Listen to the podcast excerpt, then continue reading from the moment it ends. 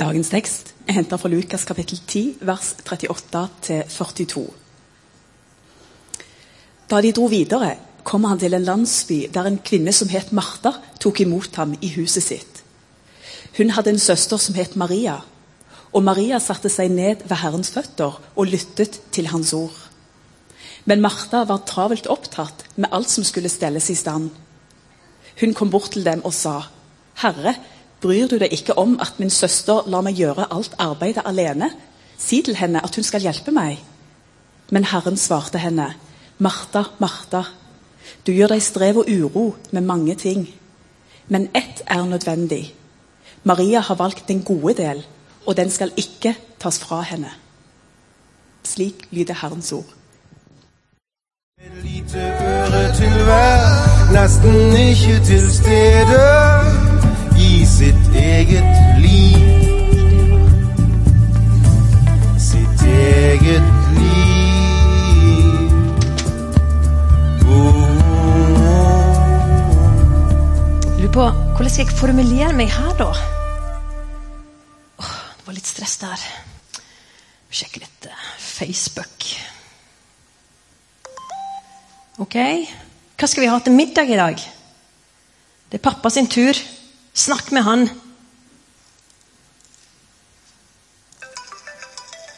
Hva er det her? Jeg har ikke tid til dette.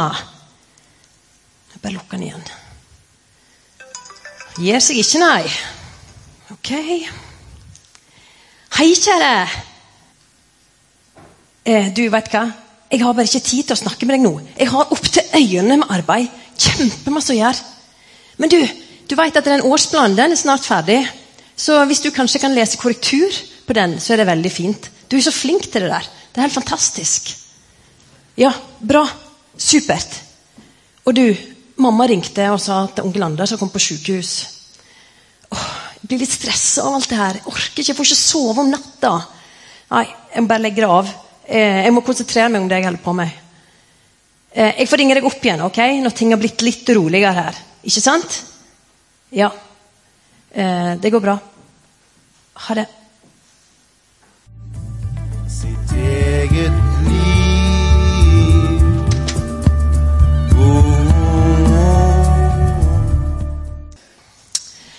Hei, Kari.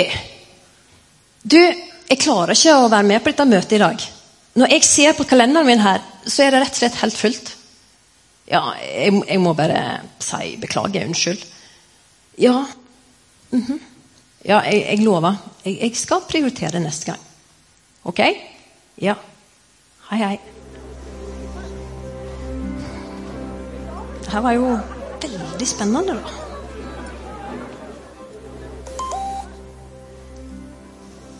Ehm, kan du logge ut fra Netflix, sånn at andre òg kan få lov å se? Eh, ok Åh, Jeg må gjøre noe med den Netflixen, sånn at alle kan se på film på samme tid.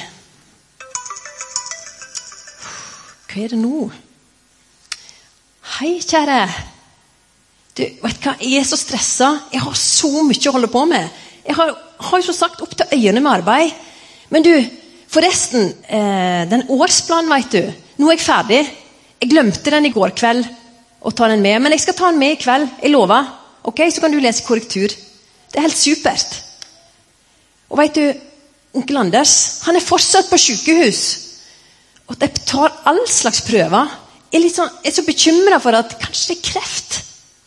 Nei, nei, jeg kan ikke gå og tenke sånn. Nei, mye, Det blir altfor mye stress for meg. Nei, Jeg bare legger det av litt. Eh, date?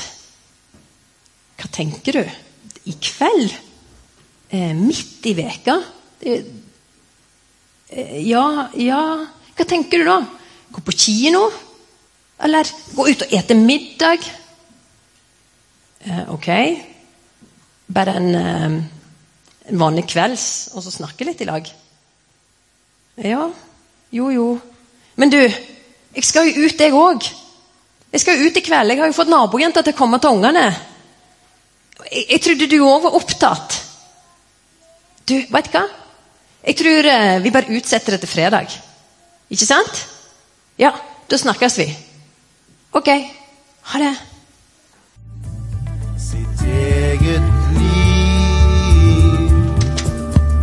Oh.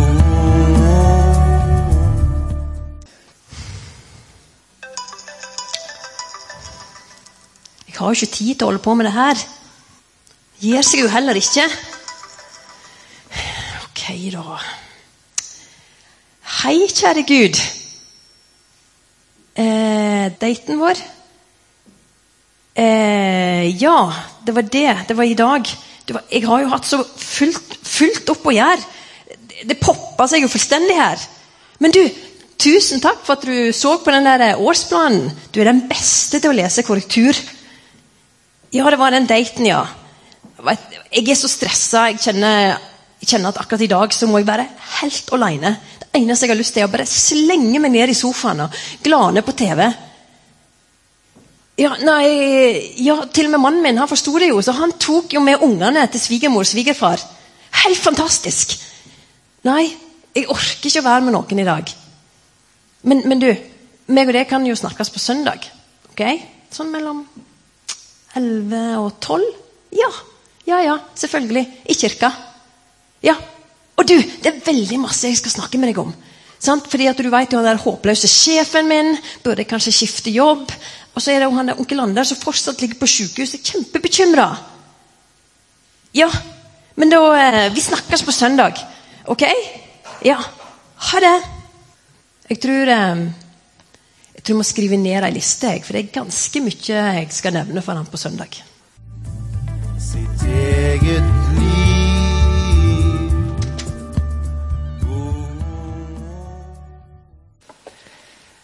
Det er en klok mann som har sagt at nøkkelspørsmålet det er ikke om Gud er her, men om vi er her. Er vi til stede i eget liv? Og Det spørsmålet det blir ganske så aktuelt når vi i dag skal snakke om eh, lillefingeren i det vi kaller for disippelrytmer. I boka 'Disippelrytmer' så gir jeg en kortpresentasjon av lillefingeren på denne måten. Lillefingeren den representerer daglig tid, eller daglig kvalitetstid med Gud. Å sette seg på et rolig sted i huset, eller gå til et vakkert sted i naturen. Lag en ramme som fungerer. og ha en fri samtale med Gud og tilbringe tid i hans nærvær. og Lytte til ham, smake på nåden, la seg elske, elske tilbake, tilbe, leke og danse i hans nærvær. Alt dette handler lillefingerens rytmer om. Og Her er det mange gode ting. Og raskt så melder spørsmålet seg How to? How to do? Har du gode oppskrifter? Hvor mye må jeg få til hver dag? Hvor lite kan jeg overleve på? Og jeg har ingen mirakeloppskrift. Og i hvert fall så har jeg ikke så mye nytt å komme med. Men før det spørsmålet om hvordan vi gjør dette, hva slags gode teknikker som finnes, hvilke verktøy og metoder, så har det gått opp for meg at jeg med jevne mellomrom må begynne et annet sted. Jeg må ha en slags avklaringssamtale, jeg og Gud, om premissene. Selve premissene for relasjonen vår. Premissene for den tida vi er sammen. En annen måte å si det på Jeg må tenke over hvordan jeg tenker om min såkalte egen tid med Gud. Det er nemlig sånn at Hvis min tid med Gud går fullstendig på autopilot, da har reisen i det lange løp en tendens til å havne et helt annet sted enn jeg tror både Gud og jeg ønsker. Det er ikke sånn at autopiloten aldri har rett. Det kan faktisk hende den tar oss til et veldig nyttig og viktig sted akkurat den dagen. Men en annen dag, eller over tid, så blir ikke dette så greit likevel. Det er det som er fint med denne tanken om at vi trenger rytmer. For rytmene gir rom både for det forutsigbare, for det faste, og for det overraskende, for det varierte. Jeg skal fortelle dere hva som var autopiloten for meg altfor lenge. Kanskje er din autopilot en annen, for vi er forskjellige som mennesker. og vi kan være på ulike steder i livet. Men autopiloten min i det som hadde å gjøre med min daglige tid med Gud, det var at reisen måtte ha nytteverdi. Hvis ikke var det ingen vits i å sette seg på flyet. Skulle jeg tilbringe tid med Gud, så måtte den tiden ha en nytteverdi. Den måtte være produktiv, og den hadde absolutt ingenting med latskap å gjøre. La dere merke til noe den tilsynelatende så travle dama her sa til Gud i det dramastykket vi hørte? Det var når Gud for tredje gang forsøker å invitere seg til en date med henne der de bare kan tilbringe litt tid sammen. Vet du, I kveld så tror jeg at jeg bare må ha helt fri. Se på TV. Orker ikke være sammen med noen, rett og slett. Og så forteller hun om jobben og onkel Anders og alt mulig å tenke på. Og heldigvis at mannen og ungene forsto det og tok seg en tur til svigermor. Så helst ikke i kveld, Gud, hvis det er greit. I kveld er det bare avslapping. Det var jo ikke slik at denne dama ikke så behov for å koble av. Hun kobla til og med av med en Netflix-serie midt i arbeidstida. Og det er jo fint. Det kan godt hende at hun trengte det. Det var bare det at det er interessant å merke at det var så utenkelig at det å henge med Gud skulle være en måte å koble av på. Sånn var jo ikke relasjonen til Gud. I likhet med mye annet i livet hennes så var den definert etter kriteriene nytteverdi og produksjonsverdi. Derfor skrev hun også liste over at hun skulle huske å ta opp med Gud når de endelig fikk muligheten til å møtes på søndag klokka 11. Jeg vil gi dere noen eksempler på hva jeg mener med at min relasjon med Gud og min egen tid med Gud kan gå på autopilot. Første eksempel. Jeg kommer til Gud for at han skal løse mine og verdens problemer. Helst en gang for alle. Det er jo egentlig ganske rimelig. Han er Gud, jeg er bare et menneske. Han har full kontroll. Jeg aner ikke hvor veien skal gå med meg, min familie, med jobben, med menigheten, med verdenssituasjonen. Det er jo det Gud er til for. Vi lærer jo det at vi skal overgi alt til Gud. Og det er jo det vi gjør i bønn. Det er ingenting galt i seg selv med denne autopiloten. Men se for deg Gud der han venter på oss, og så setter vi på den autopiloten omtrent hver gang vi møtes. I lang tid. Kunne det hende reisen av og til skulle et annet sted? Martha, Martha, du gjør deg strev og uro med mange ting. Det andre eksempelet er nok særlig typisk for de av oss som er opptatt av å formidle noe fra Gud til andre i jobb eller i frivillig tjeneste. Når jeg setter på den autopiloten, da kommer jeg til Gud for å lære noe om troen og livet. Og Da gjelder det å bruke minuttene med Bibelen eller andagsboka så effektivt som mulig. Følger kanskje en plan og har lovet meg sjøl at jeg skal lese så og så mye. Og så er det ofte en sånn tanke bak at hva får jeg med meg her nå? Hva tar jeg med meg? Kanskje til og med har fått en oppgave i morgen om noen dager eller en uke der jeg skal dele noe om Gud med noen. Og I bakhodet så surrer tanken hva sies det her som jeg kan ta med meg og bruke? Det er ingenting i veien med denne autopiloten sånn i og for seg. Men se for deg Gud der han venter på oss. Og så setter vi på den autopiloten hver gang vi møtes. Kunne det hende reisen av og til skulle et annet sted enn at jeg skulle lære noe nytt å ta med meg. Martha, Martha, du gjør deg strev og uro med mange ting. Den tredje autopiloten den er egentlig ikke en autopilot, men det er det at jeg har glemt å sette på flymodus når jeg starter reisen. Da signaliserer jeg til Gud at hvis det vibrerer i en mobiltelefon, eller underbevisstheten min får en sånn påminnelse om noe viktig jeg har glemt, da må jeg følge den avbrytelsen eller den innskytelsen og handle på den her og nå, så jeg ikke glemmer det etterpå. For Når alt kommer til alt, så er det ikke spesielt viktig å være om bord på dette flyet. Jeg burde egentlig ha vært et annet sted. Og når sjansen byr seg, så lar jeg meg gjerne avbryte. Det er ingenting galt i seg selv med dette. Av og til er det faktisk mye frommere å la seg avbryte enn å insistere på at nå har jeg min egen tid med Gud, som ingen skal få lov til å forstyrre. Da Jesus og disiplene en gang ble overrasket av 5000 som både trengte undervisning og mat, ja, da hadde de egentlig planlagt en dag for seg selv i ro og fred. Jesus lot seg faktisk avbryte. Men se for deg Gud, der han venter på å være sammen med oss, og så glemmer vi over tid å sette på flymodus hver gang vi møtes. Og så skjer det samme omtrent hver gang. Vi blir avbrutt av noe annet som oppleves viktigere. Er det virkelig sånn at dette andre eller de andre alltid er viktigere? Eller har vi begynt å lure oss selv? Martha, Martha, du gjør deg strev og uro med mange ting, men ett er nødvendig. Maria har valgt den gode del, og den skal ikke tas fra henne.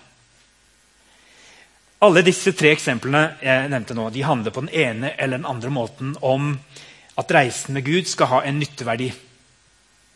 Gud må være nyttig for noe, hvis ikke behøver vi han ikke. Enten må han løse et problem for oss, eller i minste være en container for alt som er håpløst. Eller så må han lære oss noe nyttig som vi kan ta med oss videre og bruke til noe. Og fordi jeg tenker slik, så er det også fristende å la seg avbryte av andre ting som virker mer nyttig eller relevant å bruke tida på akkurat nå. Vidar, Vidar, har Jesus sagt til meg. Det er helt sikkert ikke alle som kjenner seg igjen. Og hvis du sjelden kommer til Gud først og fremst for å lesse av deg noe eller, eller for å lære noe nytt i Bibelen, da er jo ikke dette dine autopiloter. Det kan til og med hende at det er nettopp de tingene du kan trenge å fokusere på. For selvfølgelig kan Gud ta imot dine problemer. Og titt og ofte kan han faktisk hjelpe deg med dem. Og selvfølgelig kan Gud lære deg noe om livet og tilværelsen i lys av sitt eget ord. Men etter å ha snakket med ganske mange mennesker etter hvert, så vet jeg at jeg ikke er aleine om å ha sånne autopiloter i mitt forhold til Gud. Jeg er kanskje ikke klar over hvor gjennomsyret vårt samfunn er. At alt vi er og gjør, skal ha en nytteverdi. Det skal produseres noe omtrent hele tiden. Og Det er derfor vi stadig trekker fram igjen denne fortellingen om Martha og Maria. For den har jeg forkynt om før, bare den relativt korte tiden jeg har vært prest her i bymenigheten. Den treffer på en måte et ømt punkt i vår moderne, vestlige tilværelse. Jesus måtte irettesette Martha i denne fortellinga i Lukas 10. Hun sa, 'Herre, bryr du deg ikke om at min søster la meg gjøre alt arbeidet alene?' 'Si til henne at hun skal hjelpe meg.' Martha mente at det nå var på høy tid at Maria ble avbrutt for å gjøre viktigere ting. Og I hennes situasjon er det selvsagt også et kjønnsperspektiv i denne fortellinga. Det var mennene som skulle ligge ved bordet og snakke med Jesus. Broren Lasarus satt der nok sammen med Maria, men damene skulle tjene ved bordet. Så mange kan tenke i dag at det var Lasarus som burde reise og gå ut og hjelpe Martha på kjøkkenet. Ikke Maria, som alltid pleide å slave for den eldre og myndige søstera. Og vi får ta til oss det som vi skal ta til oss her. Kanskje er det sånn at i en familie eller i en menighet så må noen av oss spørre oss om det er vår tur til å tjene og være nyttige, slik at noen får lov til å oppleve stillheten eller på annen måte får mulighet til å bare være og hvile ved Jesu føtter. Så den har vi, og det handler også om rytmene både i vårt eget liv og i en familie og i menighetsliv. Og i, kanskje i samfunnet for øvrig òg. Noen må av og til arbeide for at andre skal hvile, men over tid så ønsker vi at dette skal gå såpass på omgang at man får del i disse rytmene. Men dette går også på et mye dypere plan enn et kjønnsperspektiv eller fordeling av oppgaver i hjemmet eller i menigheten. For hvis det var sånn, da burde vel økt likestilling i vårt samfunn ha skapt kjempegode vilkår for min egen tid med Gud. For både menn og kvinner. Og så blir det ikke nødvendigvis sånn. For det er få samfunn som oppleves så travle for alle som det norske. På et dypere plan så handler det nemlig om dette med hvilke verdier som styrer oss. Hvilke prioriteringer vi har for våre liv. Mer eller mindre bevisst så piskes vi rundt hele tida og definerer alt vi er og gjør, ut fra om det er nyttig, om det kan brukes til noe, om det er produktivt. Iallfall mange av oss. I boka 'Disippelrytmer' skriver jeg på side 54 at noe har verdi bare i kraft av sin eksistens. Det er blitt fremmed for oss. Og likevel, over tid så kjenner vi på slitasjen. Vi har fylt opp den dyrebare tiden vår med å gjøre alt det nyttige og brukbare, og likevel kommer vi aldri i mål. Vi har brukt hele dagen til å søke bekreftelser på at vi er verdt noe. Og alt vi har omgitt oss med, naturen, tingene, våre medmennesker, ja, til og med Gud, har vi umerkelig begynt å behandle på samme måten som vi behandler oss selv. Er dette brukbart? Har det noen nytteverdi? Hjelper det meg til å nå målet mitt? I en verden der det meste måles etter den skalaen, faller Gud fort gjennom. I hvert fall de dager vi ikke har noe spesielt å be ham om å fikse for oss. Han vil egentlig bare være sammen med oss for relasjonens skyld. Men hvem har tid til sånt? Travelheten er bare et symptom på et dypere menneskelig problem. Når vår travelhet nager vår samvittighet fordi det er så mange viktige ting vi skulle ha gjort mer av, Da er det nødvendig å gå tilbake til reformatoren Martin Luthers grunnspørsmål. Han spurte hvordan finner jeg en nådig Gud? Spørsmålet hans det har ikke gått ut på dato. Når vi syns vi ikke rekker overalt, så er det en moderne variant av Luthers anfektelser, som vi kaller det. Grublerier. Vi retter kanskje ikke spørsmålet til Gud, og vi bruker kanskje ikke sånne ord, men spørsmålet det ligger der og dirrer, og det ligger i hele samfunnet vårt. egentlig. Vi kjenner oss ikke gode nok, verken for andre, for oss selv, for Gud. Og Derfor piskes vi videre for hele tiden å oppfylle en eller annen forventning som noen har gitt oss og skapt for oss. Og Luther han gjenoppdaga evangeliet. Frelst av nåde i Kristus ved tro, ikke gjerninger. Eller som Philip Jensi har sagt det, nåden betyr at det ikke er noe vi kan gjøre for å få Gud til å elske oss høyere. Og nåden betyr at det ikke er noe vi kan gjøre for å få Gud til å elske oss mindre. Og den overfladiske fortsettelsen den kan fort bli da behøver jeg heller ikke å bruke tid på Gud. Han elsker meg likevel. Men her kommer et av troens paradokser. Nåden er en gave vi ikke kan gjøre oss fortjent til. Og Samtidig så trenger vi å rekke ut hendene og ta imot gaven. Ikke én gang.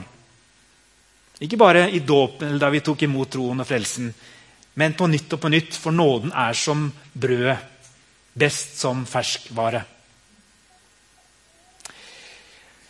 Så hvordan kan vi så gjennomføre vår egen tid med Gud? Hvordan ser de gode rytmene ut, de som er preget av både fasthet og forutsigbarhet og variasjon og, og muligheten for overraskelser? Det prøver jeg å skrive litt om i denne boka fra side 65 og utover. Og Hvis dere som er i cellegruppe rekker å ha to kvelder i løpet av denne måneden der dere fokuserer på lillefingerens rytmer, så er det mitt forslag at den andre kvelden går mer praktisk til verks. Jeg tror det er viktig for at vi skal ha denne runden der vi snakker om hvordan er egentlig verdiene våre som preger oss når vi går inn i denne kontakten med Gud. For jeg tror det har en del å si. Hvordan tenker vi om vårt samvær med Gud? Men så er det jo godt også på et tidspunkt å spørre hverandre men hvordan gjør vi dette. da? Hva slags eh, verktøy kan vi ta i bruk? Er det noe vi kan hjelpe hverandre med? Er det gode øvelser? Nettopp for å holde oss litt innenfor noen rammer som hjelper oss med dette. Hvis vi først har sagt dette trenger vi. Og Da har vi noen forslag og ting som jeg skriver litt om der. Og så er det sånn at veldig mange sitter på veldig mange gode erfaringer. Jeg snakka med Sigbjørn denne uka, for eksempel, og han eh, hadde sånn god, eh, et godt lite verktøy i forhold til dette med å sitte der og ha tid med Gud, og så plutselig kommer alle disse avbrytelsene inn som, som ikke nødvendigvis kommer utenfra, men som kommer innenfra. All den indre støyen. Jeg skulle ha gjort det, jeg skulle gjort det. Det akkurat som det blir ekstra mye av det når vi først har satt oss ned og skal prøve bare å ha stillhet og ro og ikke gjøre noe egentlig noe annet fornuftig enn å tilbringe litt tid, lytte litt, be litt, høre litt hva Gud sier, kanskje dvele litt ved et bibelvers. Og så kommer alle disse småtingene. Så sier Sigbjørn at ja, han pleier å ha en, et åpent ark foran seg, et blankt ark og en penn. Og når han sitter der og prøver å ha litt stillhet, og disse tingene popper inn, så skriver han raskt ned et stikkord. Så vet han at det kan han ta igjen etterpå. Han har ikke glemt det. Det kommer til å bli gjort, men ikke nå. Et godt lite tips. Og Sånne verktøy finnes det også litt flere av i boka. Og jeg vet at mange av dere har de. Eh, jeg kan godt også gjerne anbefale dere å jobbe litt med ting som har media og nettvett og sånne ting å gjøre. Mediavaner. For det er ting som jeg jobber for tiden, og som jeg ikke er kommet i mål med, men som jeg har kjent at jeg trenger å ta fatt i. Fordi det er mye av det som gjør at jeg ikke er til stede verken overfor Gud eller overfor mine nærmeste i tilstrekkelig grad. Forsøk om dere kan oppmuntre hverandre på hva dere konkret har lyst til å øve dere på i tida som kommer. Og husk at vi tar utgangspunkt i der vi er, og ikke nødvendigvis der vi skulle ha vært. Men så kan vi også tenke lengter vi etter å gå noen skritt i riktig retning med utgangspunkt i livet sånn som det er nå. Og så oppmuntrer vi hverandre, og så utfordrer vi hverandre. Og så prøver vi å tenke er det å være en kristen i dag nettopp på dette området faktisk å være en motkultur til det samfunnet som vi er en del av. Og det må også vi kristne våge å være av og til. Ta med dere gjerne lillefingerens bønn, som kanskje kan være et greit utgangspunkt for din egen tid med Gud framover, på veien. Og jeg ber, og jeg tar tommelen og beveger lillefingeren. Far, her er jeg nå, ditt elskede barn. Berør meg. Gjør meg helt trygg i din kjærlighet. uten frykt i din omsorg. For mine tider er i din hånd. Amen.